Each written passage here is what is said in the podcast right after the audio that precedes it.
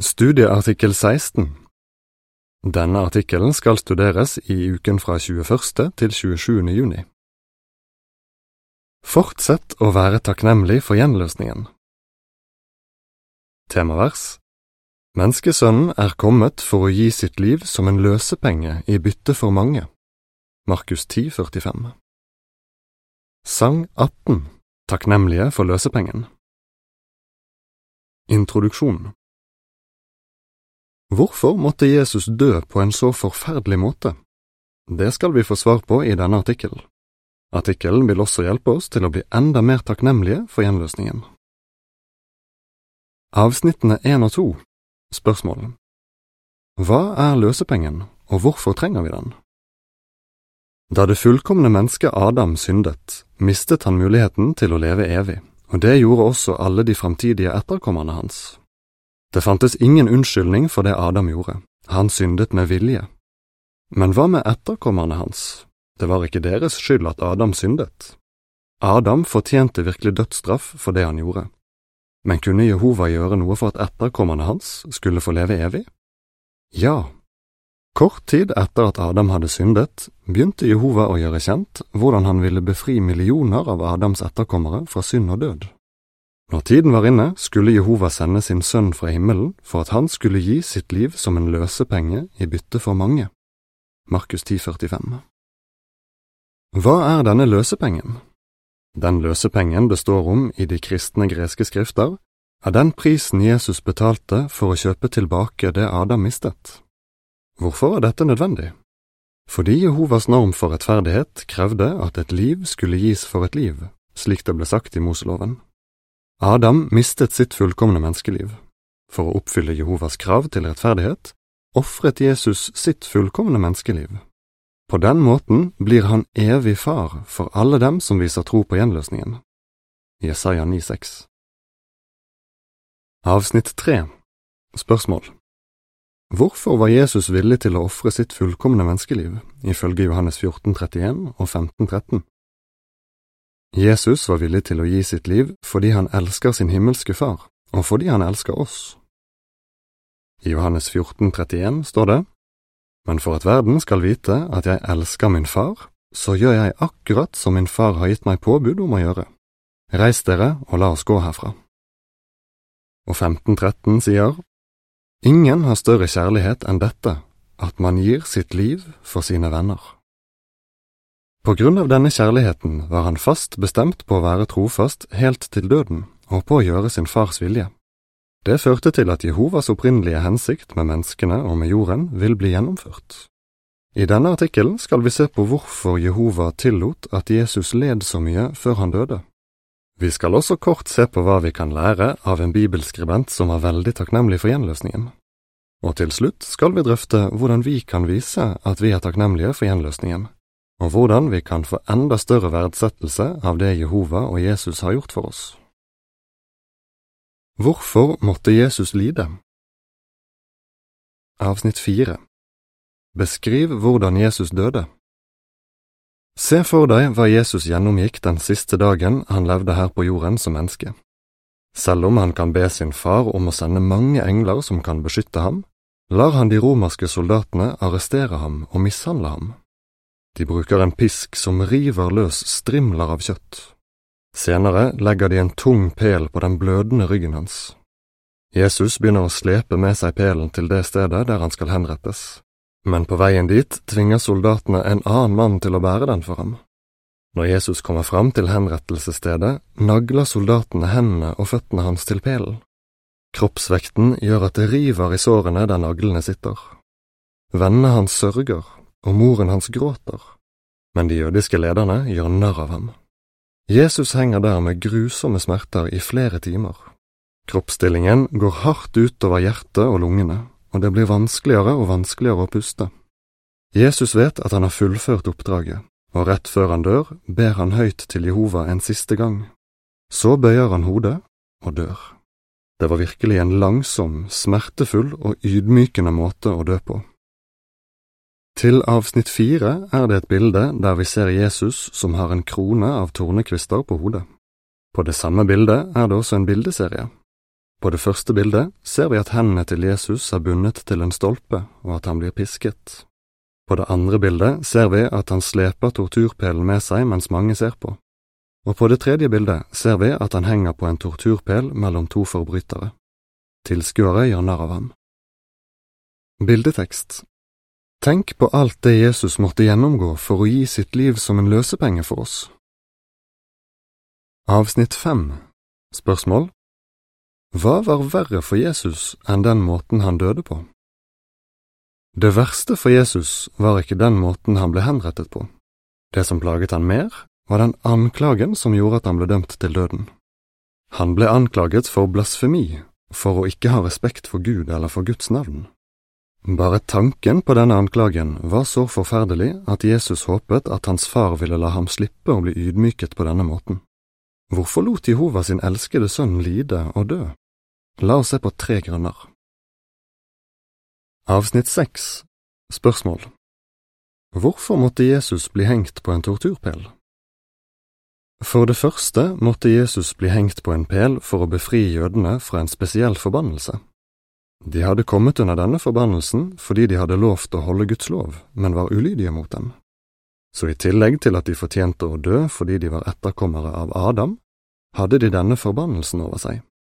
Guds lov til israelittene sa at en mann som begikk en synd som det var dødsstraff for, skulle henrettes. I noen tilfeller ble liket etterpå hengt på en pæl. Fotnote Romerne pleide å nagle eller binde dødsdømte forbrytere til en pæl mens de fortsatt var i live, og Jehova tillot at hans sønn ble drept på denne måten. Avsnittet fortsetter. Loven sa også at en som ble hengt på en pæl, var noe som var forbannet av Gud. 5. Mosebok 21, 22 og 23. Ved at Jesus ble hengt på en pæl, tok han på seg forbannelsen i stedet for jødene, slik at det ble mulig for dem å nyte godt av hans offer, selv om de hadde forkastet ham som Messias. Avsnitt 7 Spørsmål hva er en annen grunn til at Jehova lot sin sønn lide? Tenk over en annen grunn til at Jehova lot sin sønn lide. Han ga Jesus opplæring med tanke på den oppgaven han skulle få som øverste prest for oss. Jesus opplevde selv hvor vanskelig det er å være lydig mot Gud når man blir utsatt for ekstreme prøvelser. Presset var så stort at han ba om hjelp med sterke rop og tårer. Siden Jesus har opplevd så store følelsesmessige påkjenninger, forstår han hva vi trenger, og kan hjelpe oss når vi blir satt på prøve. Så takknemlige vi er mot Jehova for at han har gitt oss en forståelsesfull øversteprest som kan vise medfølelse med oss i våre svakheter. Hebreerne 4, 14–16 Avsnitt 8 Spørsmål Hva er en tredje grunn til at Gud lot Jesus lide så intenst? En tredje grunn til at Jehova lot Jesus lide så intenst, var at et viktig spørsmål skulle bli besvart. Vil et menneske være trofast mot Jehova hvis han eller hun møter alvorlige prøvelser? Satan svarer nei. Han påstår at menneskene tjener Jehova bare for å få noe igjen for det, og han mener at de i likhet med Adam ikke elsker Jehova. Fordi Jehova hadde tillit til at hans sønn ville være lojal, tillot han at han ble prøvd helt til grensen for det et menneske kan tåle. Jesus skuffet ham ikke, han var lojal og beviste at Satan er en løgner. En bibelskribent som var veldig takknemlig for gjenløsningen. Avsnitt 9 Spørsmål Hvorfor er Johannes et godt eksempel for oss? Læren om gjenløsningen har hjulpet mange kristne til å være trofaste.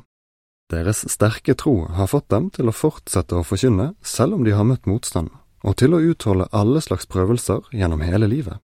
En som gjorde det, var apostelen Johannes. Han forkynte trofast sannheten om Kristus og gjenløsningen, sannsynligvis i over 60 år.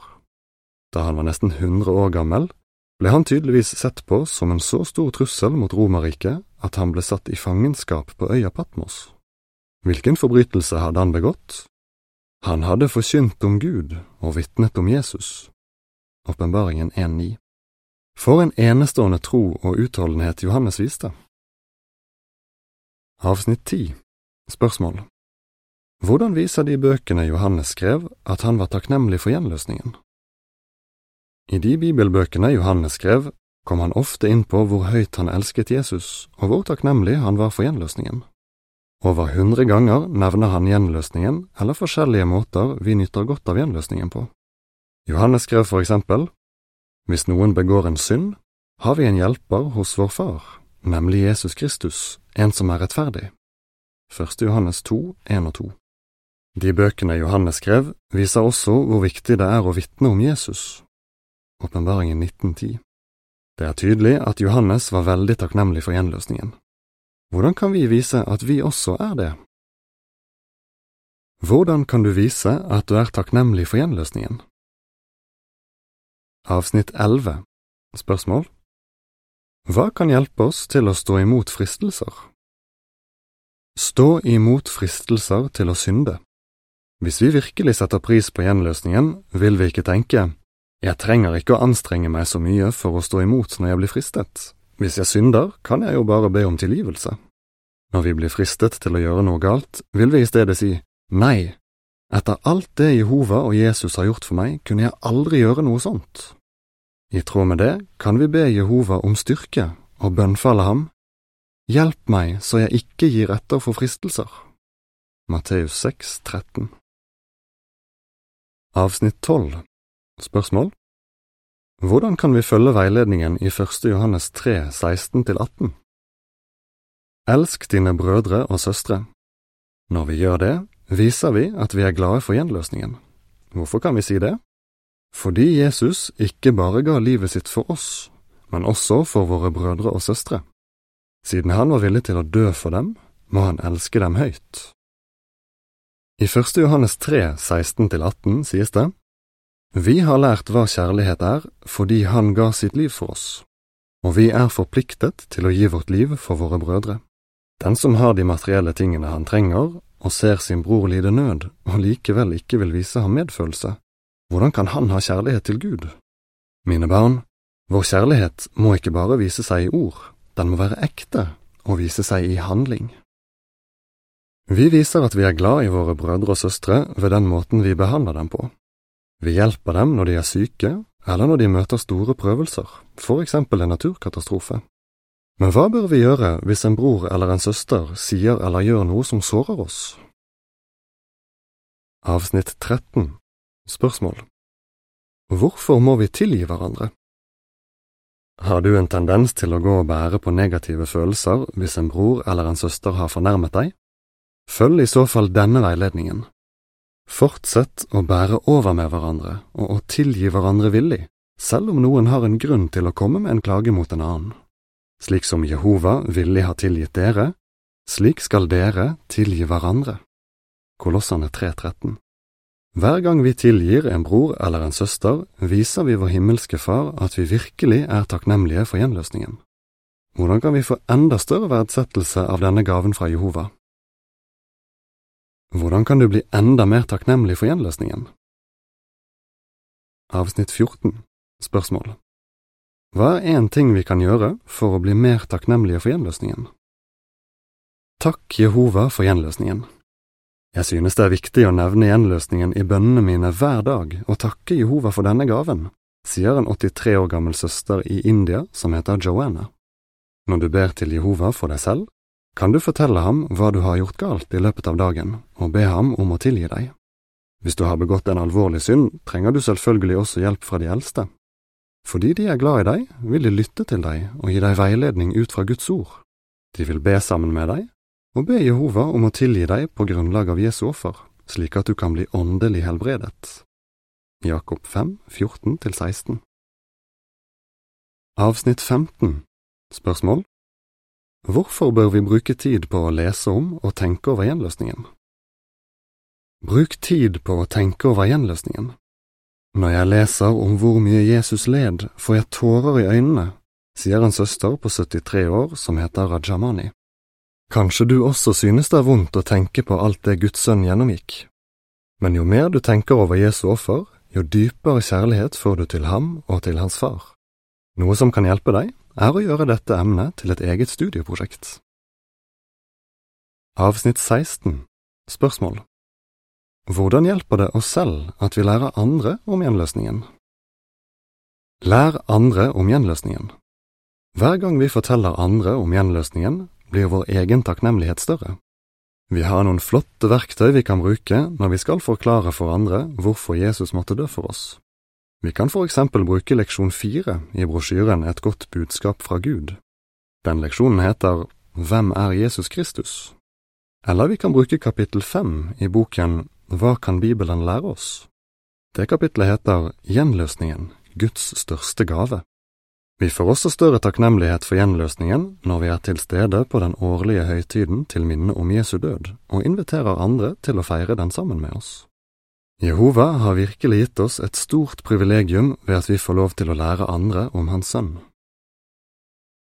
Avsnitt 17 Spørsmål Hvorfor er gjenløsningen den største gaven Jehova har gitt menneskene? Ja, vi har all grunn til å være dypt takknemlige for gjenløsningen. På grunn av gjenløsningen kan vi ha et nært vennskap med Jehova, selv om vi er ufullkomne. På grunn av gjenløsningen vil det bli gjort fullstendig ende på djevelens gjerninger. Og på grunn av gjenløsningen vil Jehovas opprinnelige hensikt med jorden bli gjennomført. Hele jorden skal bli et paradis, alle du møter vil elske Jehova og tjene ham.